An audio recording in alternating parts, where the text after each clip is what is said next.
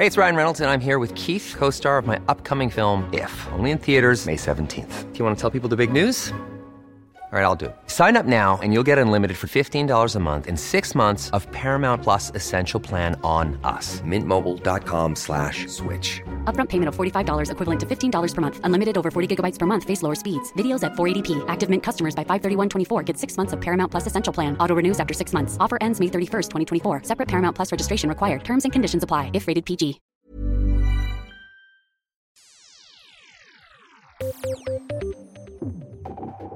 Etter at stortingsrepresentant Christian Tybring-Gjedde tilbudte en 15-åring en tusenlapp for å ta av seg hijaben på åpen gate, har debatten om bruk av hijab blusset opp igjen. Frp-politikeren kaller plagget for eh, et kvinneundertrykkende plagg. Har han et poeng? Den norske Cannes-filmen De uskyldige kritiseres for fordomsfull fremstilling av minoriteter. Der den hvite familien gjør alt riktig, gjør den svarte familien alt feil, mener kritikerne i et innlegg i Dagsavisen. Burde filmer være varsomme med hvordan de fremstiller minoritetene? Et finsk museum har levert tilbake hele sin samiske samling til et samisk museum. Tiltaket ses på som et bidrag til den såkalte avkoloniseringen som nå foregår i vestlig kultur og akademia. Burde norske museer følge etter og levere tilbake sin samiske samling? Du hører på Etikk og estetikk, som er tilbake i sin andre sesong og fjerde episode. Produsent det er Adrian Eriksen, researcher Peter André Hegg og programleder det er meg, Dan Bichoy. Jeg skal straks introdusere dagens panel, men først noen ord fra våre annonsører. Snart braker det hele løs. 17.9 går en etterlengtet Oslo Kulturnatt av stabelen. Få med deg årets festival med mange spennende arrangement og flere nye aktører. Alle kulturarrangementene er helt gratis, og du trenger verken å melde deg på, ha festivalpass eller billett. Fullstendig program er ute nå, så sjekk ut oslokulturnatt.no for mer informasjon.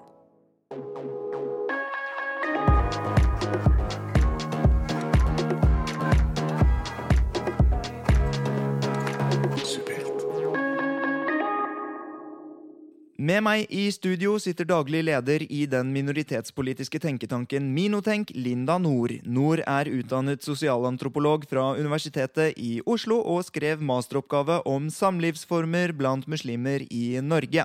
Hun har fordypningsemner i islam, Midtøsten-studier og psykologi. Hun kaller seg muslimsk feminist og har i en årrekke jobbet for reform- og likestillingsarbeid innen islamsk tenkning og praksis. Også har hun utmerket seg som samfunnsdebattant og som spaltist i flere medier, bl.a. Dagsavisen, Ny Tid og Morgenbladet.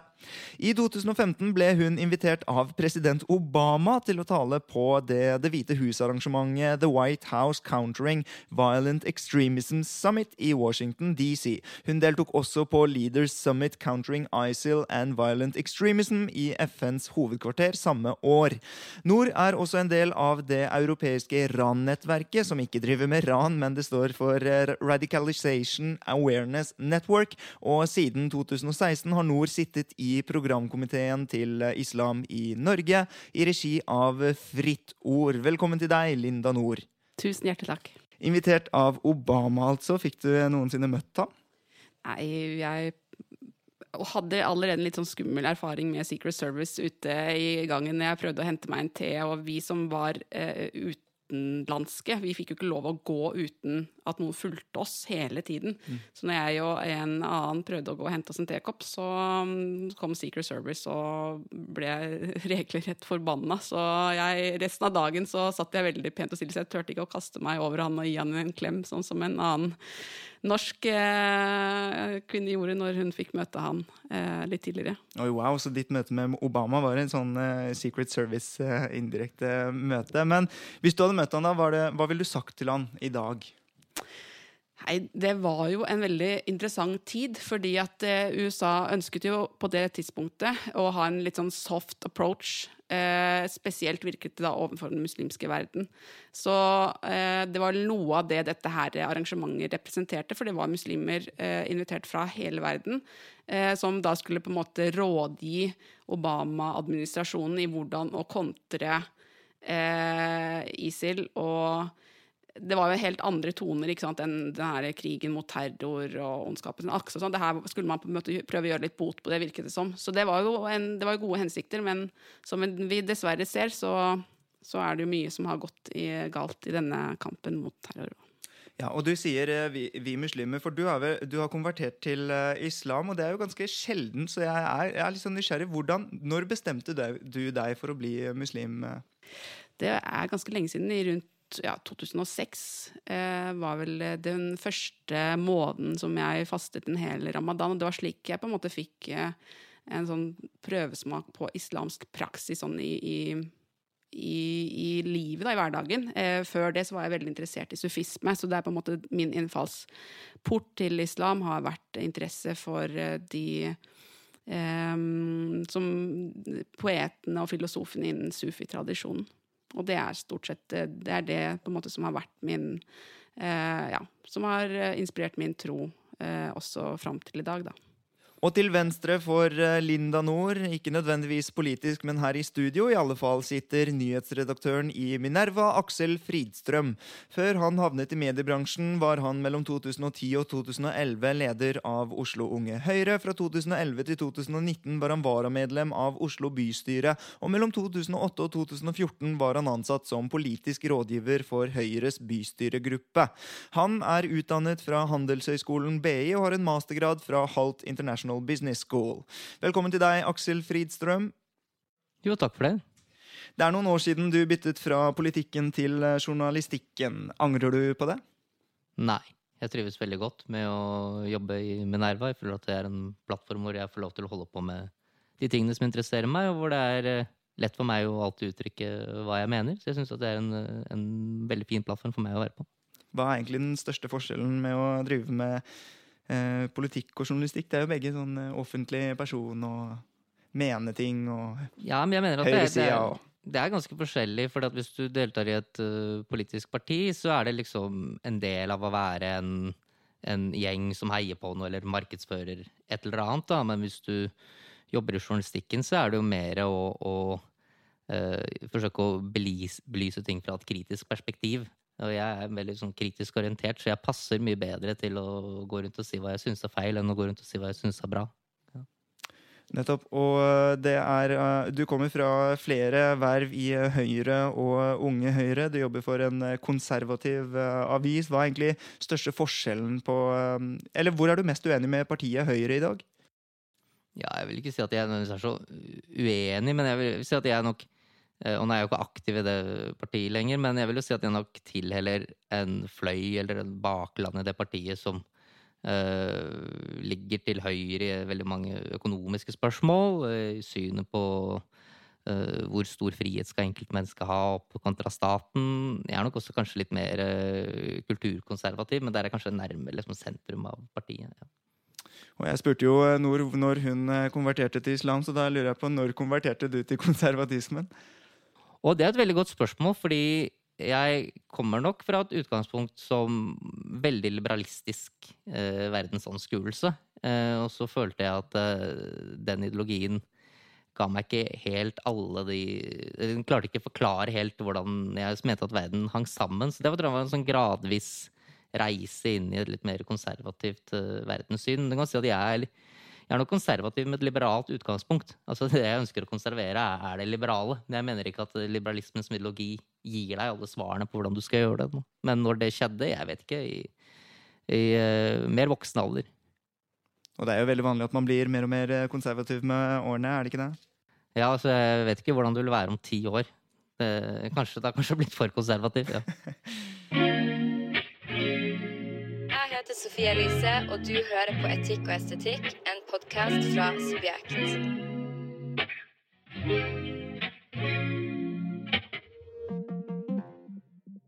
Og med det kan vi gå over til dagens første tema.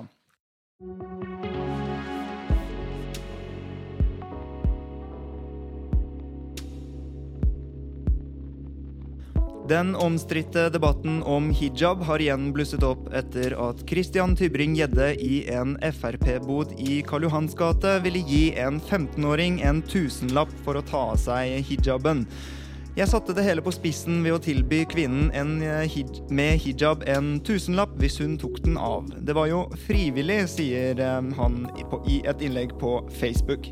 Ronald Majora Synnes, postdoktor ved Institutt for sosiologi og sosialt arbeid ved Universitetet i Agder, har forsket på religiøsitet blant eh, norsk ungdom og unge voksne med minoritetsbakgrunn. Han skriver i en kronikk på forskning.no at mange unge norske muslimer gjerne ser på hijab som et tegn på religiøs overbevisning. Hijab er noe som viser til deres forhold til Gud, men også at de er gode muslimer. Kritikere av klesplagget påpeker på sin side at hijab er omstridt også blant muslimene. Kritikerne mener hijab har blitt en markør for politisk islam, og mange er kritiske til at bruken av hijab hos norske skolejenter har økt de senere årene, etter press fra bl.a. enkelte imamer. Tybring-Gjedde er nok blant de sistnevnte kritikerne, og han kaller hijaben for et kvinneundertrykkende plagg. Har han et poeng, Linda Nord? Er hijab et kvinneundertrykkende plagg? Nei. Og du, Aksel Fridstrøm? Ja, men med litt forbehold. Og hvorfor sier du nei, Linda Nord? Det er ikke plagg i seg selv som er kvinneundertrykkende, men det kan være strukturer, og det kan være tankesett og normer rundt som kan gjøre at, uh, at, hijab kan være en del av en kvinneundertrykkende kultur. Men det kan også være et frigjøringsprosjekt, som vi også har mange eksempler på. Særlig her i Norge, hvor det ikke er noen stat eller noe sånt som pålegger bruk av det. Men uh, men der hvor det er eh, tilfellet, som f.eks. i Iran, så er det selvfølgelig svært eh, kvinneundertrykkende. Og, en del av et mye større totalitært eh, alvorlig problem, da. Men hvordan skal man på en måte slukke flammen der det brenner, hvis man ikke helt klarer å skille mellom de to? Når vet man at det er kvinneundertrykkende og ikke?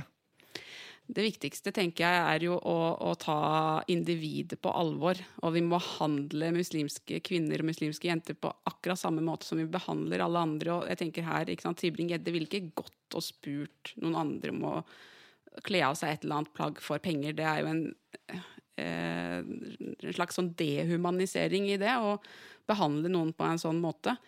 Eh, og det tenker jeg er det mest problematiske her. Og så får man tenke OK skal man virkelig la han da sette agendaen for å starte en ny debatt om hijab? Eh, Syns jo jeg er eh, betenkelig i seg selv, og, og, at vi må heller kanskje se på hva er det som gjør at en politiker faktisk så på et så høyt nivå som faktisk Christian Tybring-Gjedde er. Han er ikke bare en sånn tullete lokalpolitiker som nesten ingen har hørt om. Han er eh, en av de fremste kandidatene til Frp i eh, hovedstaden. og det jeg syns det er veldig bekymringsfullt. Og jeg tenker hva slags signal gir dette her til unge muslimske jenter, og gutter for den saks skyld. ikke sant? Det her handler om identitet, det handler om å bli latterliggjort.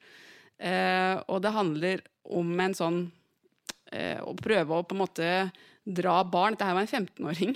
Dra barn inn i en slags sånn kulturkamp eller kulturkrig som jeg syns er veldig problematisk. Vi kommer tilbake til eh, Christian Tybring-Gjedde, men litt mer sånn om hijaben. Du svarer med forbehold at hijab er et kvinneundertrykkende plagg. Hvorfor det, Aksel Fridstrøm?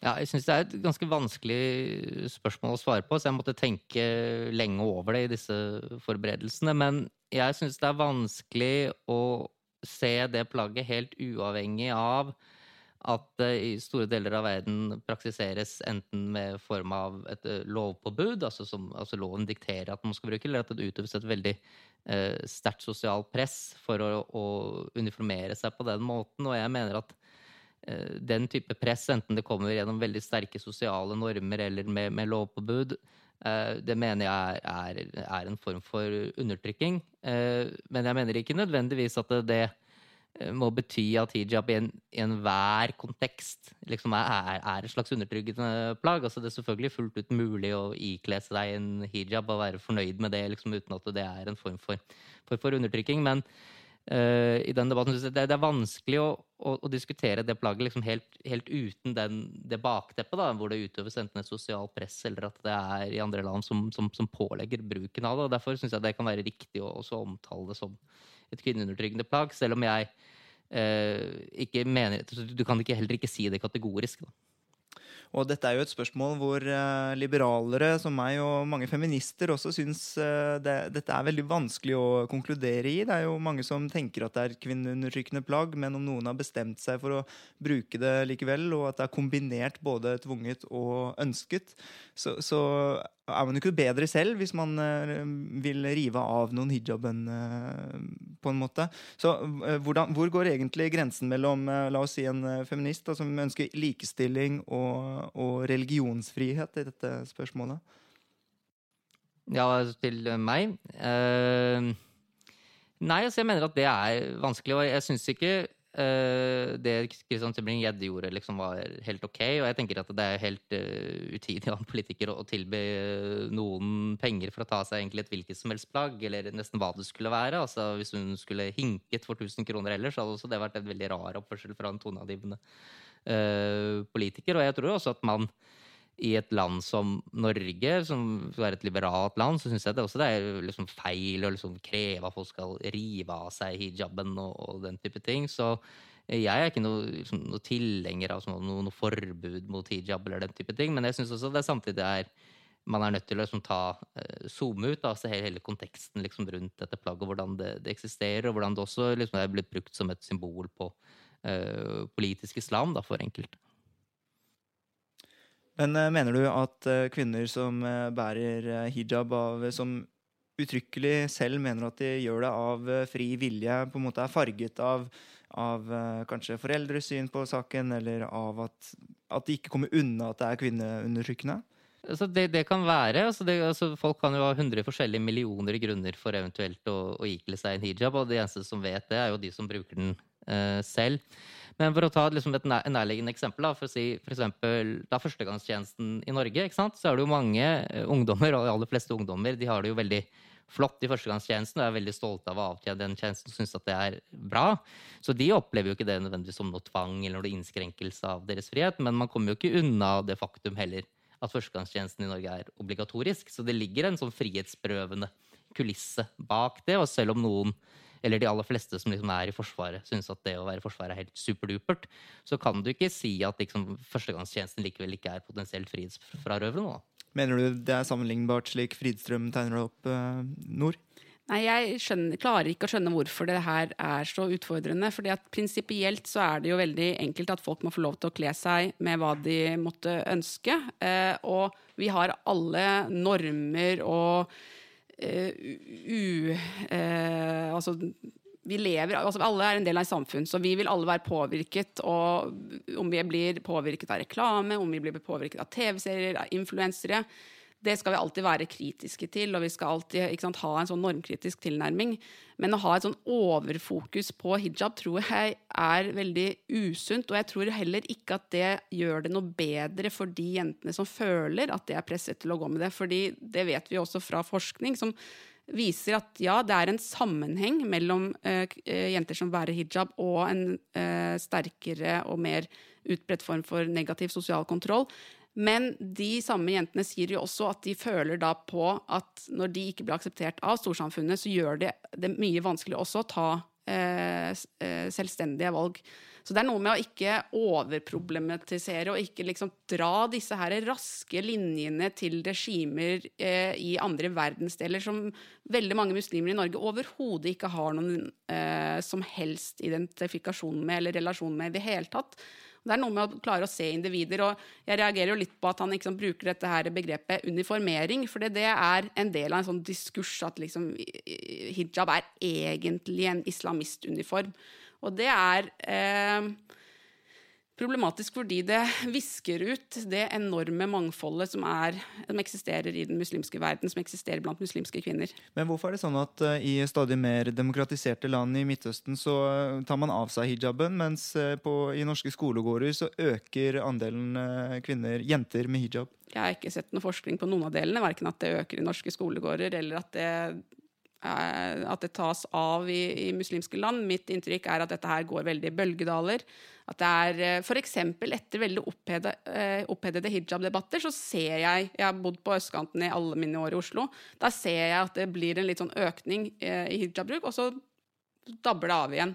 Så, det er, så jeg tenker så lenge man ser det, at det er en dynamisk eh, trend, at det plagget tas av, av, og på, at det har mange forskjellige uttrykk. Altså, altså, det er alltid sånn mangfold. Det er ikke en uniform. Det er ikke sånn at vi alle sammen plutselig går i sånne lange, svarte sjadorer som man bruker i Iran, eller andre tradisjonelle, sånne stereotypiske plagg.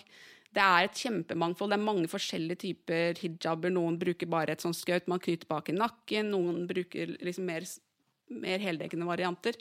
Og så lenge det er et sånn type mangfold, så syns jeg at man må være mer individfokusert og se på individet først og fremst. Du hører hva hun uh, sier, Fridstrøm. Og også Majora Synne skriver at mange muslimske jenter opplever bl.a. stygge blikk, trakassering og rasisme på bakgrunn av uh, dette klesplagget.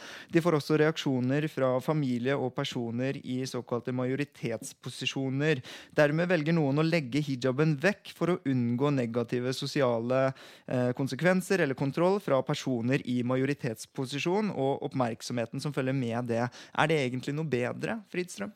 Nei, jeg, mener at det kanskje heller ikke er så mye bedre. Altså, jeg syns ikke at uh, myndighetspersoner som Christian Tymir-Gjedde eller andre liksom skal se stygt på jenter fordi at de, de bruker hijab. Så jeg syns ikke nødvendigvis at det er noe bedre. For jeg syns det er et veldig, det er et veldig komplekst problem. Uh, men jeg tror det er, liksom, det er vanskelig å komme unna det at Eh, en del kvinner i verden eh, bruker hijab fordi de er utsatt enten for et sosialpress eller et press fra eh, landets myndigheter i det, det, landet de bor i.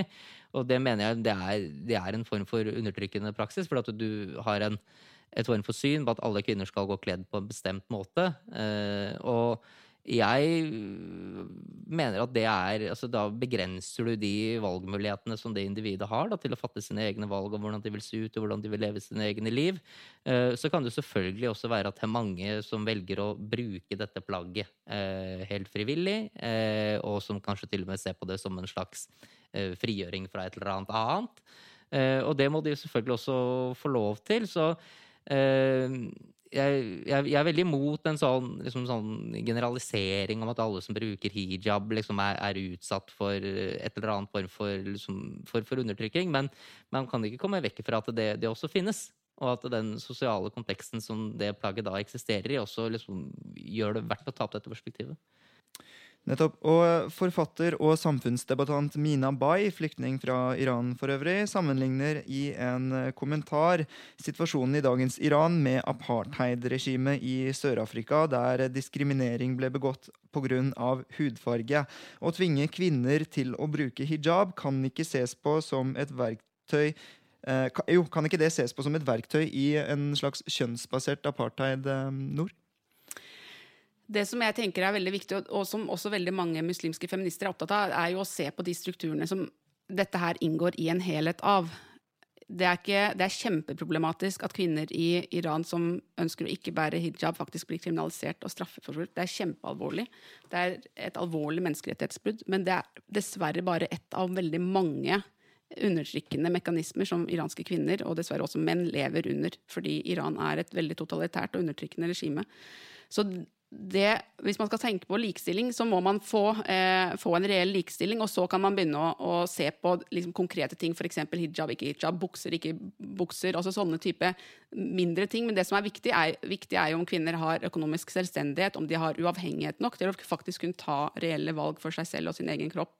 Og der hvor hijab er et symbol på kvinners eh, dydighet eller sømmelighet, så mener jeg også som en muslimsk feminist at det er problematisk. fordi at det gir noen signaler om at eh, man på en måte måler verdi av en kvinne, og at en kvinne som ikke bruker hijab, da kanskje blir sett på som mindre sømmelig, f.eks. Så det er klart det skal vi problematisere, men det er noe med å klare å se, eh, se at dette, det er på en måte de strukturene, altså de hvis man skal si sånn patriarkalske strukturer rundt, og de eh, store hemskoene for likestilling som bl.a. eksisterer i Iran, som, som er kjempealvorlig. Og det er, hijab er dessverre bare ett av en lite, lite problem i det store altså den store frihetskampen som, eh, som mange iranske menn og, og, kvinner må ta. Men er det en fare for at det er uh, mørketall her? At det i miljøer i også Oslo er eh, om ikke myndighetspersoner fordi at de er stortingsrepresentanter, men kanskje fordi de er foreldre av barn, eh, at det er en eh, sånn tvang der likevel? I noen tilfeller eh, ja, men vi vet fra undersøkelser at eh, norske muslimer er veldig opptatt av at hijab skal være et fritt valg. Og vi vet også at det gjerne er en slags sånn generasjonskløft. At faktisk eh, den oppvoksende generasjonen kan gjerne være mer konservative og opptatt av dette her enn sine foreldre. At foreldrene f.eks. For ikke var opptatt av å bære slør eller hijab eller sjal. Mens døtrene eh, blir opptatt av det fordi at de er jo en del av de trendene som som eh, eksisterer i dag, som er påvirket av internasjonale trender, hvor hijab, særlig i vestlig kontekst, ofte blir sett på som et litt sånn opprør mot en sånn ikke sant, veldig eh, fri seksualitet og objektivisering, eller det som blir tolket som en veldig sånn objektivisering av kvinner. Eh, sånn skjønnhetspress. Eh, og altså, det er på en måte en litt sånn Nesten en litt sånn Uh, ja, viser litt sånn fingeren til en sånn slags konformitet, da, som, som mange som vokser opp i Vesten, føler uh, er spesielt rettet mot kvinner i større grad enn f.eks. mot gutter og menn. da. Men jeg opplever jo at det er på en måte to sider her som begge beskylder hverandre for å uh, drive med bjørnetjenester. På den ene side så har man jo da disse som mener at uh, kanskje nordmenn som ikke kjenner til uh, kulturen, legger et sterkt sosialt kontrollpress på en måte om at de må ta den av. Mens mange sekulære på den andre siden mener at f.eks. Marianne Hussein på Stortinget eller andre hijab-forfektere mener at man da kaster skygge over Eh, de som kanskje får hijaben påtvunget hjemmefra. Hvordan, kan, hvordan, skal man egentlig løse dette hvis uh, man ikke skal polarisere det? Hvordan, hvordan, kan vi egentlig diskutere og skille mellom disse forskjellige tingene? Nå er jo Mariann Hussein en utpreget liberal stemme. Hun uh, forsvarer jo SVs uh, veldig liberale abortpolitikk, f.eks., og er veldig opptatt av likestilling og feminisme, av skeives rettigheter.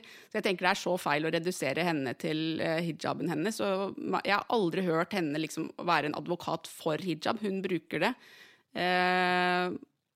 men det er jo det hun står for som politiker, som bør bety noe. Og der har jo ikke hun overhodet noen utpreget eh, konservativ profil i det hele tatt. Heller tvert imot er hun en veldig progressiv stemme. da. Men Jobber dere i Minotenk noe særlig med, med, å motvirke sosial kontroll hjemmefra? Absolutt, og vi har jo blant annet, eh, vi har gitt ut flere bøker om den tematikken. Det er veldig viktig å hjelpe ungdom til å finne eh, en identitet som de føler seg trygg i. For at man ikke skal liksom føle at man blir dratt mellom ulike forventninger, ulike kulturelle normer. Og at man skal kunne føle en tilhørighet til det norske. Det er kjempe, kjempeviktig. Og det å f.eks. gjøre hijab til noe som er så fremmedartet og unorsk, tror jeg er potensielt med på å kanskje skyve noen eh, som er 100% norske i alle årets betydninger, f.eks. sånn som Marian Hussein, eh, ut på en måte av det såkalte liksom, norske vi, da, eller norske fellesskapet. Ja, nei, altså Jeg er egentlig ikke så uenig i noe av det som ble sagt uh, der sist fra, fra, Linda. og Det er derfor jeg liksom må, må, ta en del forbehold i det jeg også sa innledningsvis. For det er uh, veldig mange forskjellige grunner til at folk bruker det, selvfølgelig. Og uh, det er slett heller ikke slik at liksom, La oss si at vi liksom, som norske samfunn nå liksom gikk sammen og sa Kirab det er kjempekvinneundertrykkende, og alle liksom, kvinner må rive av seg hijaben og sånn. Jeg tror at de også ville, ville opplevd det som ganske, en ganske problematisk reaksjon fra det norske storsamfunnet. Så jeg, jeg er ikke tilhenger av en, en, en, sånn, en, sånn, tilnærming til hijab i, i, det hele tatt. Jeg er mer tilhenger av en liberal tilnærming. Men jeg syns det er det er komplisert å diskutere det, det, plagget, og jeg mener at det også må ses i lyset at det er knyttet opp mot en del undertrykkende praksis. Radikale på høyresiden og radikale på venstresiden er mer like enn de ofte innrømmer eh, å være. Vil du og din institusjon være synlig der hvor publikum leter etter hva som gjelder akkurat nå? Nå kan denne reklameplassen bli din. Ta kontakt med annonse at subjekt.no, eller ring 02469 for en uforpliktende prat om hvordan du kan nå ut til et kulturkonsumerende og opinionspåvirkende publikum. Og med det kan vi gå over til neste tema.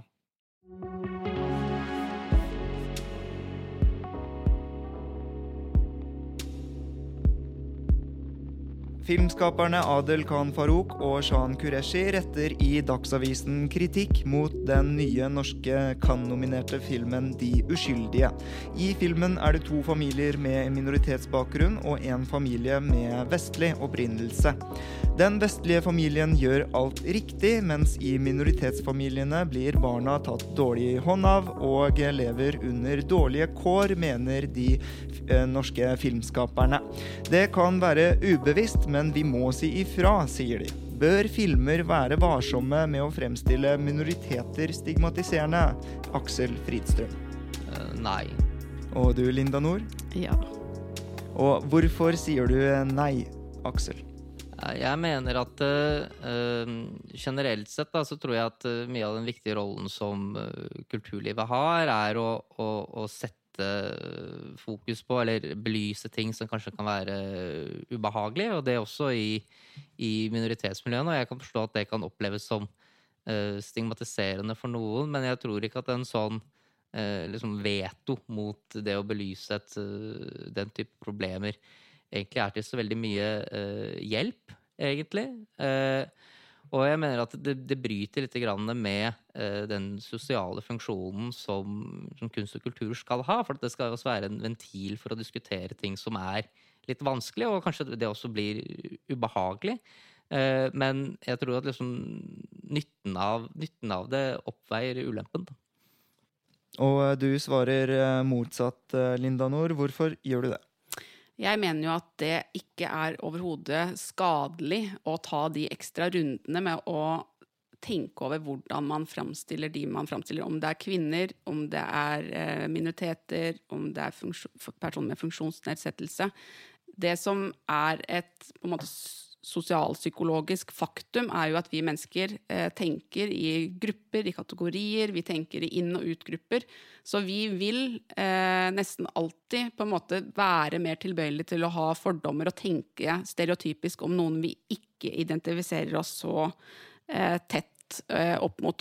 For majoriteten da, hvis de ser stereotype fremstillinger av minoriteter, så vil det fort bli det bildet de har av minoriteter. Og dessverre er vi også mennesker skrudd sammen sånn at vi er kjempegode på å etterbekrefte de oppfatningene og fordommene vi tillegger oss. Og det kan være ganske vanskelig å bryte ut av det. Jeg merker bare senest i dag, jeg var på en vestkantskole. Jeg har, alltid bodd på østkanten i Oslo. Jeg hadde ganske mye fordommer mot eh, eh, mot, eh, mot vestkanten. Og jeg tenkte sant, her kommer jeg til å møte mange velstående, bortskjemte ungdommer. Og med en gang jeg kom inn i det rommet, så begynte jeg å se etter disse her fordommene jeg hadde. ikke sant? Guttene har midtskill, jentene ser kjempe, kjempedyre, fine klær. Så med en gang begynte jeg å se etter det, og selvfølgelig, så da ble jeg blind for alt det mangfoldet. Alt, når de begynte å snakke, ikke sant, så skjønte jeg jo det at selvfølgelig det her er mye mer nyansert mangfoldig gjeng enn det jeg med første øyekast tenker. Men det er sånn vi psykologisk gjør, alle mennesker. Vi vi prøver å etterrasjonalisere de ideene vi har om folk. Så hvis, jeg, jeg tror rett og slett bare at film, eh, TV-serier, kunst blir bedre hvis man bare tar noen runder på seg selv. Det er ikke sånn at det skal være påbudt. Og jeg er litt kritisk til å ha sånn, eh, sånn slags sånn kvotering eller minoritetskvote eller et eller annet sånt. Det er ikke det det handler om. Det handler bare om å gjøre det mest mulig realistisk. Eh, jeg snakket med en kollega som er filmskaper eh, om akkurat denne filmen. Han har somalsk bakgrunn, og han syns ikke eh, kritikken til til Jean Qureshi og, og Adil Farouk traff akkurat på denne filmen, men han er helt enig i at generelt, selvfølgelig, det er en lang vei å gå igjen på mangfold innen norsk, norsk film og TV, men, men at vi må ikke heller eh, liksom, ba, vi, vi som skal ha, rette den kritikken, må også være eh, åpen for nyanser, og, og ikke eh, jeg, jeg tenker det at Selvfølgelig skal vi ta eh, opp det som er problematisk, det som er vanskelig, men man må gjøre det på en sånn autentisk måte og en nyansert måte, sånn at ikke det blir stående som et slags sånn vrangbilde eller et overdrevet bilde. Da. Men hvor mye eh, plass er det egentlig til nyanser i en sånn film? Og du ber, ber altså om at det skal være realistisk, men er det ikke realistisk da? At det, at det er en innvandrerfamilie som har det vanskeligere, og at en hvit familie har det enklere?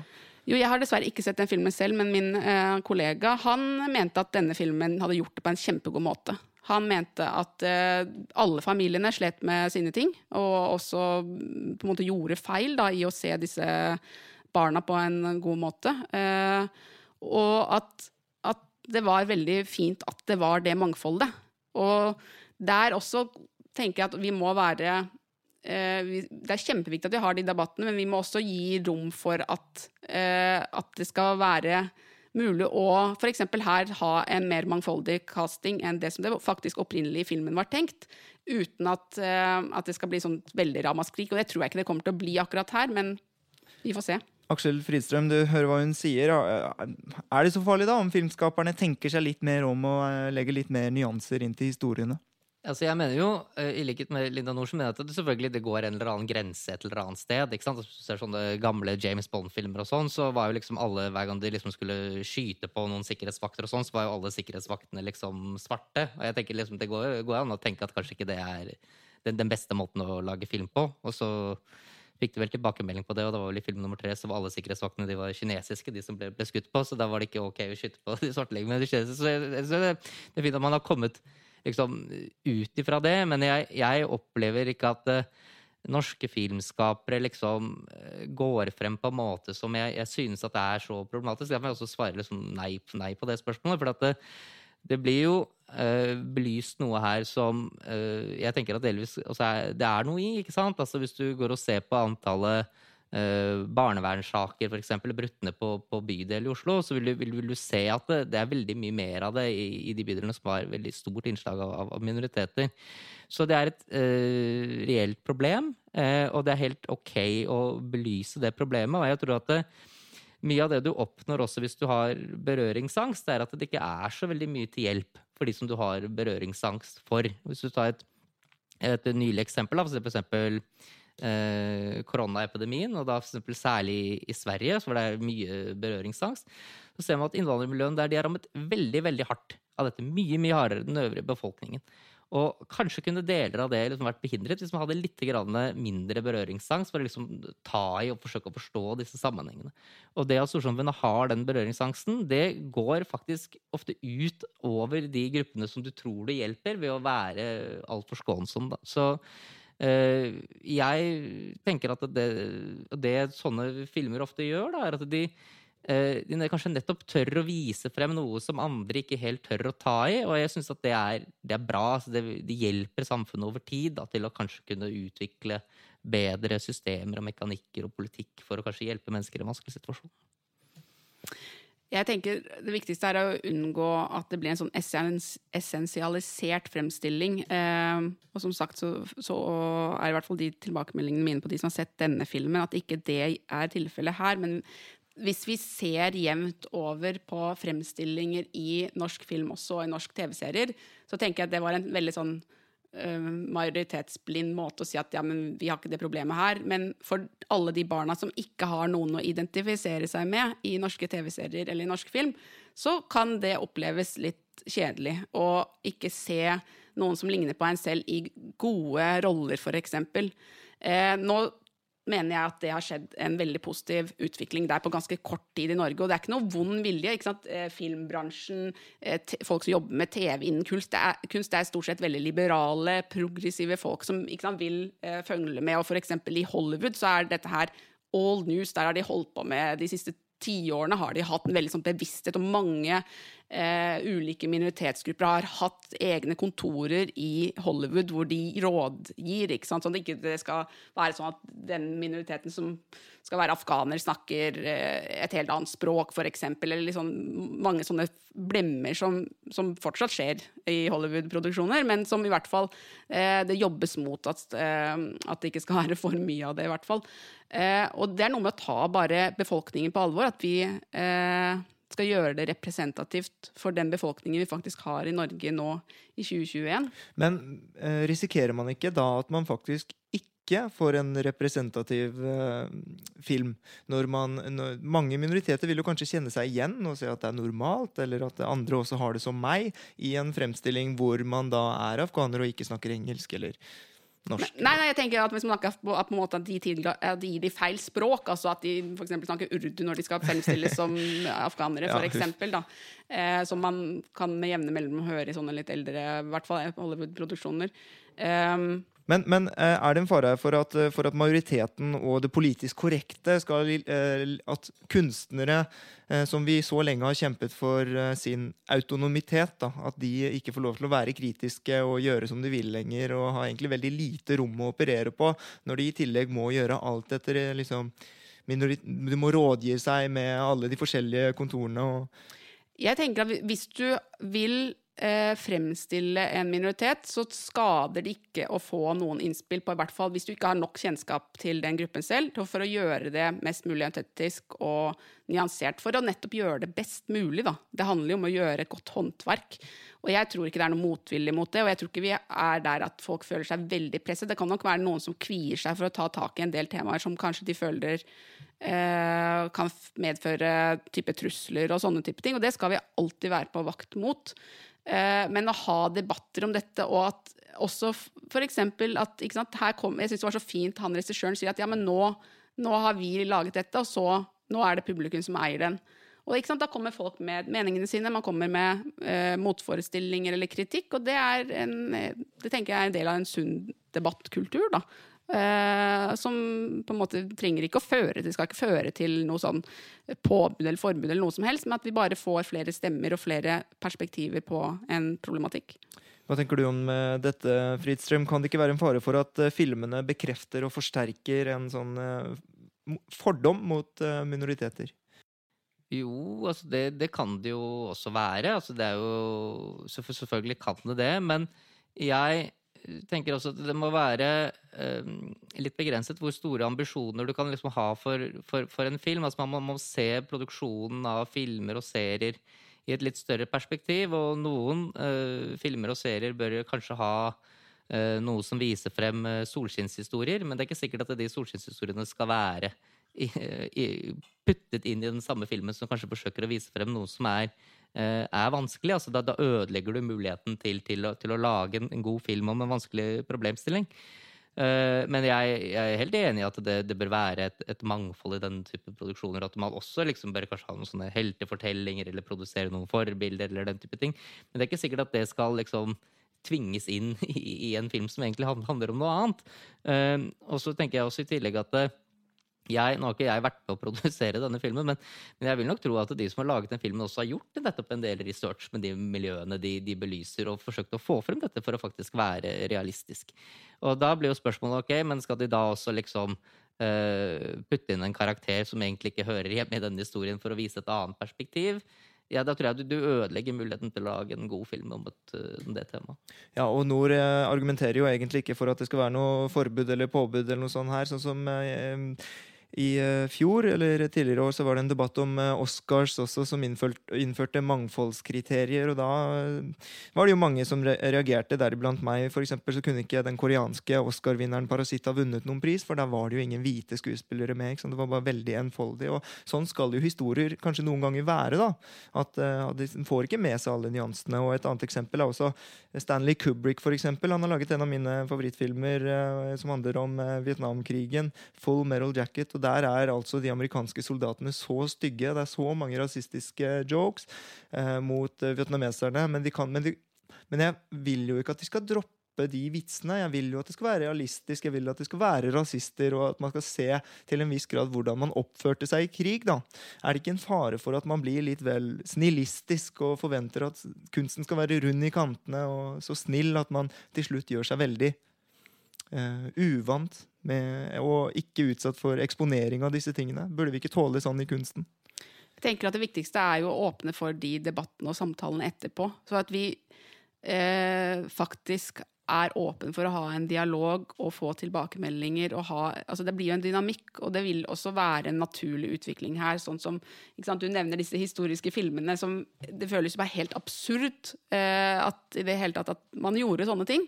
Eh, og i dag virker det bare helt, helt rart. Men men det er også ting som, som er en selvfølge i dag, vil virke, virke veldig rart eh, om 20-30 år. Så det vil være en Det her vil være en prosess. Og så lenge vi har et åpent eh, eh, å ha, jeg har et åpent miljø rundt dette her, og det opplever jeg absolutt i Norge at vi har. Det er ikke noe sånn veldig skarpe fronter her, det er tøffe debatter, men det er kjempesunt. Det er slik vi faktisk kan få enten få, få framgang, eller at vi i hvert fall får, eh, får et større rom for, uh, for, å tenke på mangfold i ulike perspektiver. For det er viktig at ikke det skal bli en sånn der fasit på hva er mangfold, hva er riktig mangfold, for da tror jeg vi er på veldig feil vei. Men at det er noe som vi hele tiden øh, utforsker og utvikler sammen da, i denne her samfunnsdialogen. Men du nevner at øh, det er på en måte utenkelig at man lager de filmene som Fridstrøm siterer her. og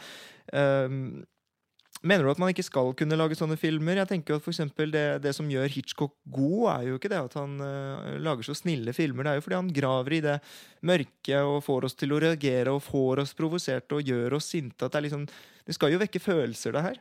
Jo, men det å bruke en type folkegruppe i liksom alltid de samme typer rollene. Det er jo ikke å være snill eller slem, det er jo bare en fordummende framstilling som ikke gjør filmen noe spesielt god eller spennende, og ikke, altså det på en måte gjør ingen noen tjenester. Så det handler jo også om å å utvikle hele liksom, filmfaget, da. Og det har jo heldigvis uh, absolutt blitt mye, mye mer komplekst og blitt rom for at også man f.eks. har en eh, stadig større scene i Norge for internasjonale filmer, som ikke bare er amerikanske. Det er også kjempeviktig at det, man får film fra, fra Asia, fra eh, Afrika og andre deler av verden. Så det er kanskje forskjell på bevisst og ubevisst fremstilling av eh, enkelte minoriteter osv.? Har du en kommentar?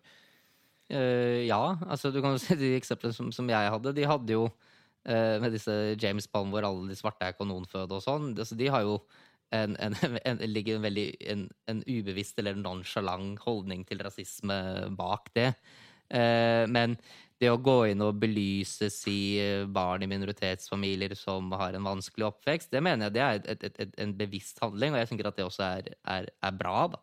Og så vil jeg si at uh, når det kommer til eh, kunst og kultur, så er det jo delvis av kunst og kulturens oppgave nettopp å, å, å eksponere folk ofte mot, mot, mot, ubehagelige inntrykk. Altså I antikkens Hellas og sånn spilte jo drama en veldig viktig rolle, hvor de til og med gjorde, de gjorde det obligatorisk å se på disse forestillingene, som ofte var helt eh, grusomme. ikke sant? Altså Ødipus, for eksempel, som liksom eh, dreper sin far og har ligget med sin mor og stikker ut øynene når liksom sannheten går, går opp for ham. Men litt av grunnen til at grekerne gjorde disse tingene obligatorisk, var nettopp fordi at de ville at folk skulle bli eksponert for, for vanskelige ting. fordi at man tenkte at det ville også eh, gi dem større vidsyn og toleranse i måten de liksom levde sin, sine vanlige liv. Og jeg tror også det er en viktig del av, av hva kunst og kultur skal gjøre. Da, nettopp å gi folk det, tilføre folk den kompleksiteten og toleransen for å forholde seg til vanskelige problemer. Og i hvert fall i en mangfoldsdebatt vil det ikke da være viktig å være ganske tolerant, eh, Linda Nord?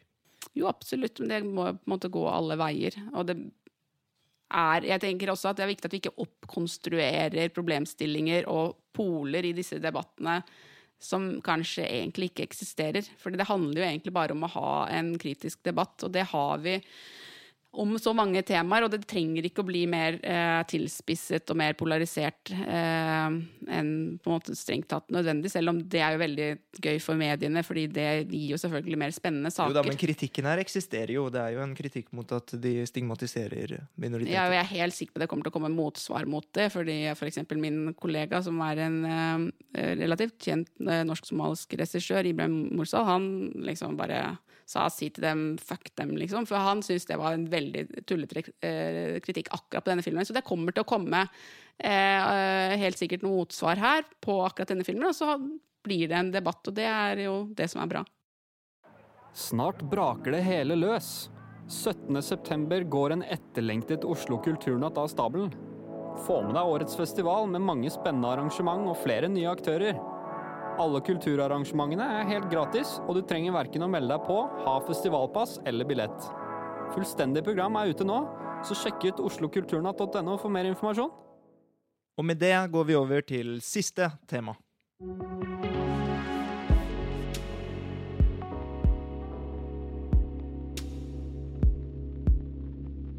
Det finske nasjonalmuseet har levert tilbake sin samiske samling til det samiske museum Sida i Lappland. Her i Norge ble det i 2012 underskrevet en avtale om at snaut 2000 av 4200 gjenstander som på 1800- og 1900-tallet ble innsamlet av Universitetets etnografiske museum i Oslo, skulle bli tilbakeført til museene under Sametingets forvaltning.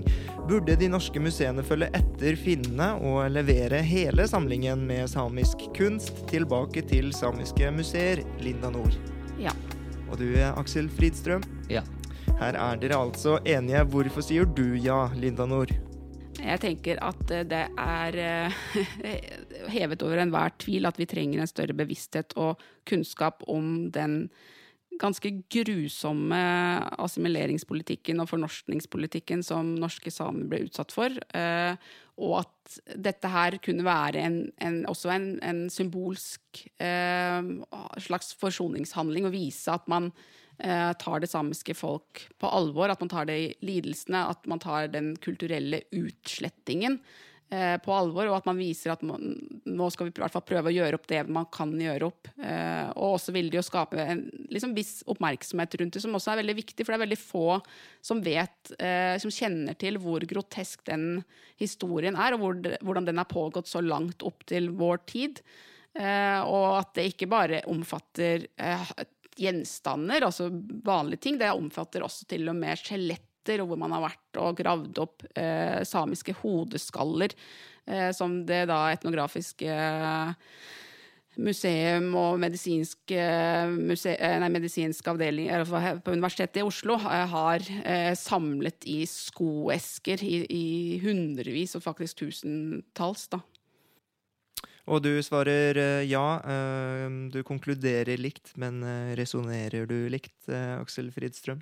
Ja, jeg resonnerer i hvert fall ikke så, så forskjellig. Det var ikke uh, nødvendigvis at jeg tenkte på det som en sånn forsonelseshandling, selv om jeg i og for seg også tenker at det er viktig. Men det viktigste prinsipielle spørsmålet for min del er jo hvem er det disse kunstskattene egentlig tilhører?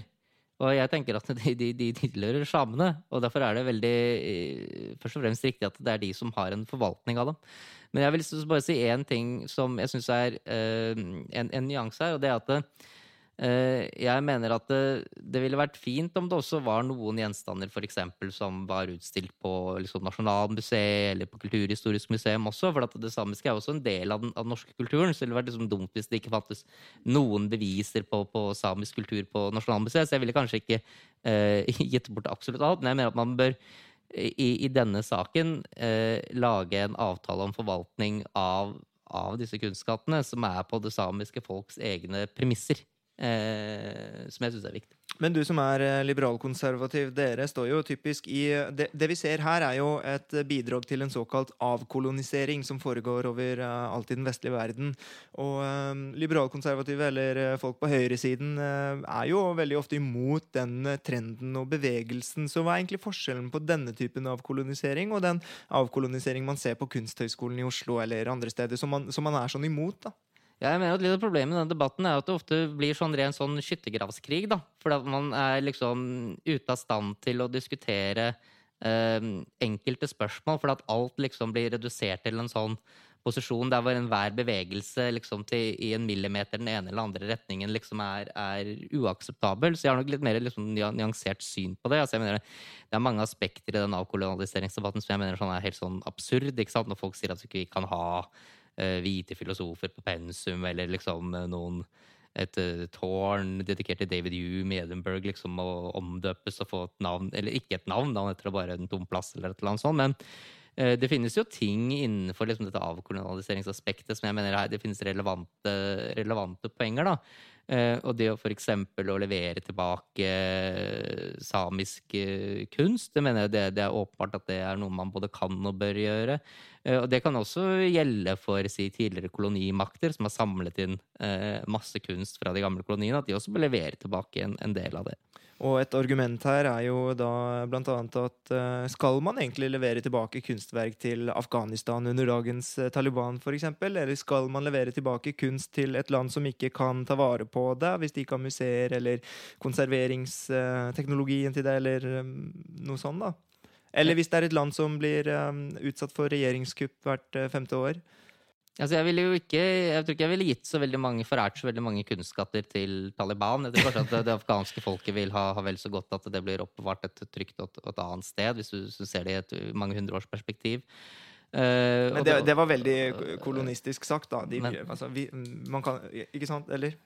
Ja, altså jeg mener at det, det, Spørsmålet er jo, er jo interessant. ikke sant? Altså Skal si f.eks. Eh, engelskmennene gir tilbake en del eh, ting som de har funnet i disse her eh, faraokamrene i Egypt, f.eks. Det er et interessant spørsmål.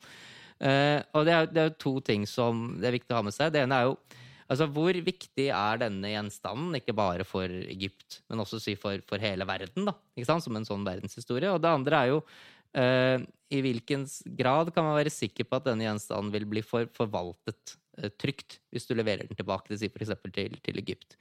Og Der må det gjøres en, en individuell eh, vurdering av det. Men jeg tror at i, i, det overordnede bildet så tror jeg man, det er mange gjenstander man både kan og bør levere tilbake. Men det er ikke sikkert at man skal si at nå skal absolutt alt leveres tilbake der det ble funnet ja, for, som en kategorisk beslutning. For det du sa, var jo at spørsmålet i stad var om hvem tilhører denne gjenstanden sånn egentlig. Men uh, du mener altså det, kan, det bør gjøres unntak uh, når, uh, når, det er snakk om f.eks. Uh, skatter som har vært noe for hele verden og menneskeheten. Ja, men Det er i hvert fall en relevant dimensjon. Men det er klart, altså, hvis, hvis Egypt, som var et veldig stabilt land, som ikke hadde statskupp omtrent hvert tiende år eller noe i den dur, så ville jeg vært mer tilbøyelig til at kunne, de kunne gi tilbake en del av disse Tutankhamons maske og den type ting dit. Men eh, jeg vet ikke om jeg ville vært tilhenger av å gjøre det, det nå, da, hvis jeg skulle liksom laget, lagd, et unntak fra min egen regel om at disse tingene skal uh, leveres tilbake. For jeg tror, jeg, jeg tror ikke du kan du, du, du, kan ikke svare på dette spørsmålet bare gjennom et, et generelt prinsipp som du fullstendig allmenngjør. Du må se, se noen nyanser og, rundt det. Tenker du også det? Er det nyanser her, eller burde alt komme tilbake til den den egentlig tilhører?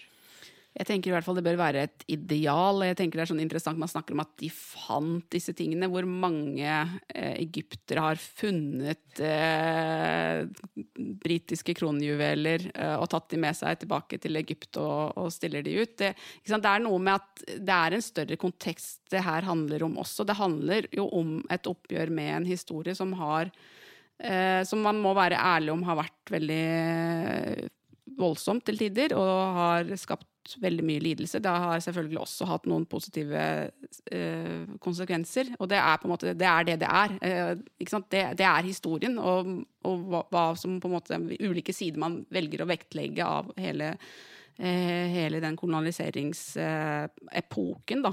Men, men, idealet bør jo være Du var så soleklar på at det er samene sitt. Det var ikke like jeg tror det var lett å gjøre det, fordi vi føler oss nærmere samer. Det er, det er våre samer, på en måte. ikke sant?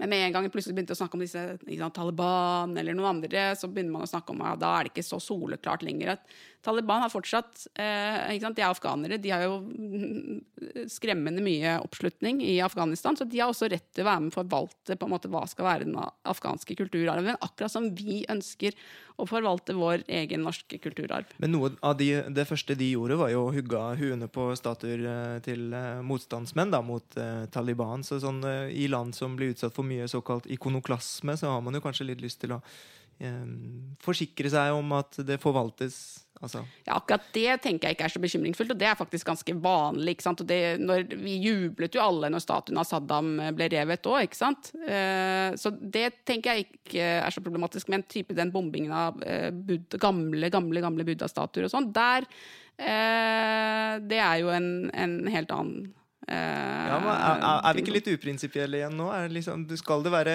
øh, skal, det være, gjenstand for subjektiv og øh, majoritetsvis synsing, eller? Jeg tenker jo sånn helt spektakulære statuer av veldig gamle Saddam Hussein? Ja, ikke sant? Det var jo ikke spesielt en veldig spektakulær ja, statue. La oss si at det var en spektakulær statue av ham, da. Ja, vi har jo igjen, til og med i Norge, så har vi jo igjen på en måte levninger etter f.eks. nazistene, som vi fortsatt lar være her. Nå har de f.eks. rehabilitert bunkeren eh, til Quisling. Og jeg tenker at eh, vi trenger ikke nødvendigvis heller å slette alle sånne spor etter eh, historien, det kan nesten være litt skummelt. For vi må jo på en måte være ærlige med oss selv, at vi også har hatt eh, veldig mange eh, grusomme deler eh, i vår historie. Og men man trenger kanskje ikke ha det akkurat på de liksom største hedersplassene. Det er veldig forståelig at uh, irakerne ønsket å fjerne Saddam fra uh, en sånn sentral plass. Og det er, og, og, men først og fremst så tenker jeg liksom, ja ideelt, Idealet må i hvert fall være at, at det må komme tilbake der det en gang ble stjålet fra. Om eh, man ikke skal eh, levere tilbake hele samlingen til eh, samiske museer fordi man ser verdier i at det er størst turisme til Oslo, og at man kan formidle samisk kunst og kulturarv her i Oslo, hva er det man skal la bli her, og hva er det man skal sende tilbake?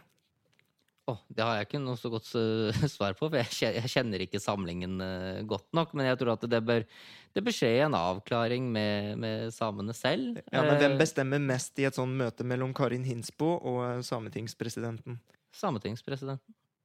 Ja, jeg syns han sa det på en veldig god måte. At, at ja, det er jo de som forvalter det. Og så er, er, jo det meget sannsynlig at de har en interesse av at også Sør-Norge eh, skal være bevisst og ha tilgang til kunnskap om Norges samiske minoritet og Norges samiskhet. Da. Eh, ble, vi hadde nylig denne lanseringen av denne boken hvor vi har en eh, tekst eh, av en ung samisk kvinne. Og hun spurte da oss Uh, der sitter vi alle, ikke sant, antirasister, og føler at vi er liksom veldig sånn up to date på alt. Og så spurte de hvor mange i denne salen kan si hei på ett av de samiske språkene, og det var ingen. Så det er noe med at liksom, ja, vi Ikke engang det kan vi på en måte på samisk, selv om det er, uh, er en minoritet som vi alle sammen har vokst opp med, er liksom er vår uh, urbefolkning, faktisk. Så eh, vi har kanskje godt av ikke bare å, å, beholde litt i Oslo, men å formidle den enda bedre blant eh, også våre egne nordmenn her nede. Og med det så runder vi av, og jeg har lyst til å si tusen takk for eh, besøket til dagens gjester, Linda Nord og Aksel Fridstrøm. Du hører på Etikk og Skjerre!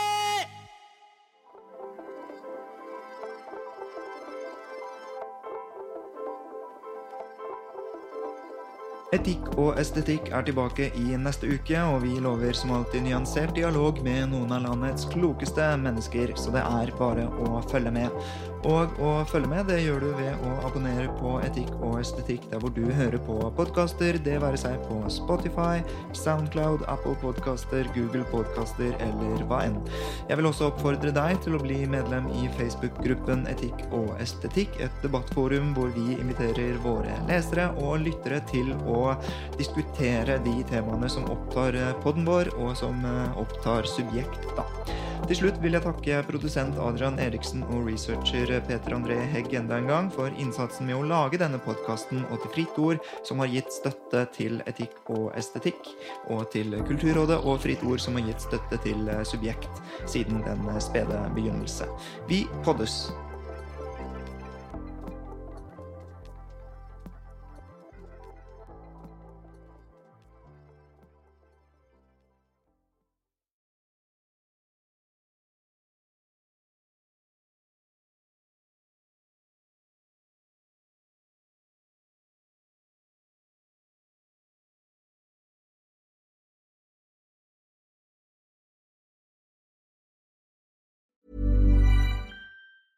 Planning for your next trip? Elevate your travel style with Quince. Quince has all the jet setting essentials you'll want for your next getaway, like European linen, premium luggage options, buttery soft Italian leather bags, and so much more. And is all priced at 50 to 80% less than similar brands. Plus, Quince only works with factories that use safe and ethical manufacturing practices. Pack your bags with high-quality essentials you'll be wearing for vacations to come with Quince. Go to quince.com slash pack for free shipping and 365-day returns.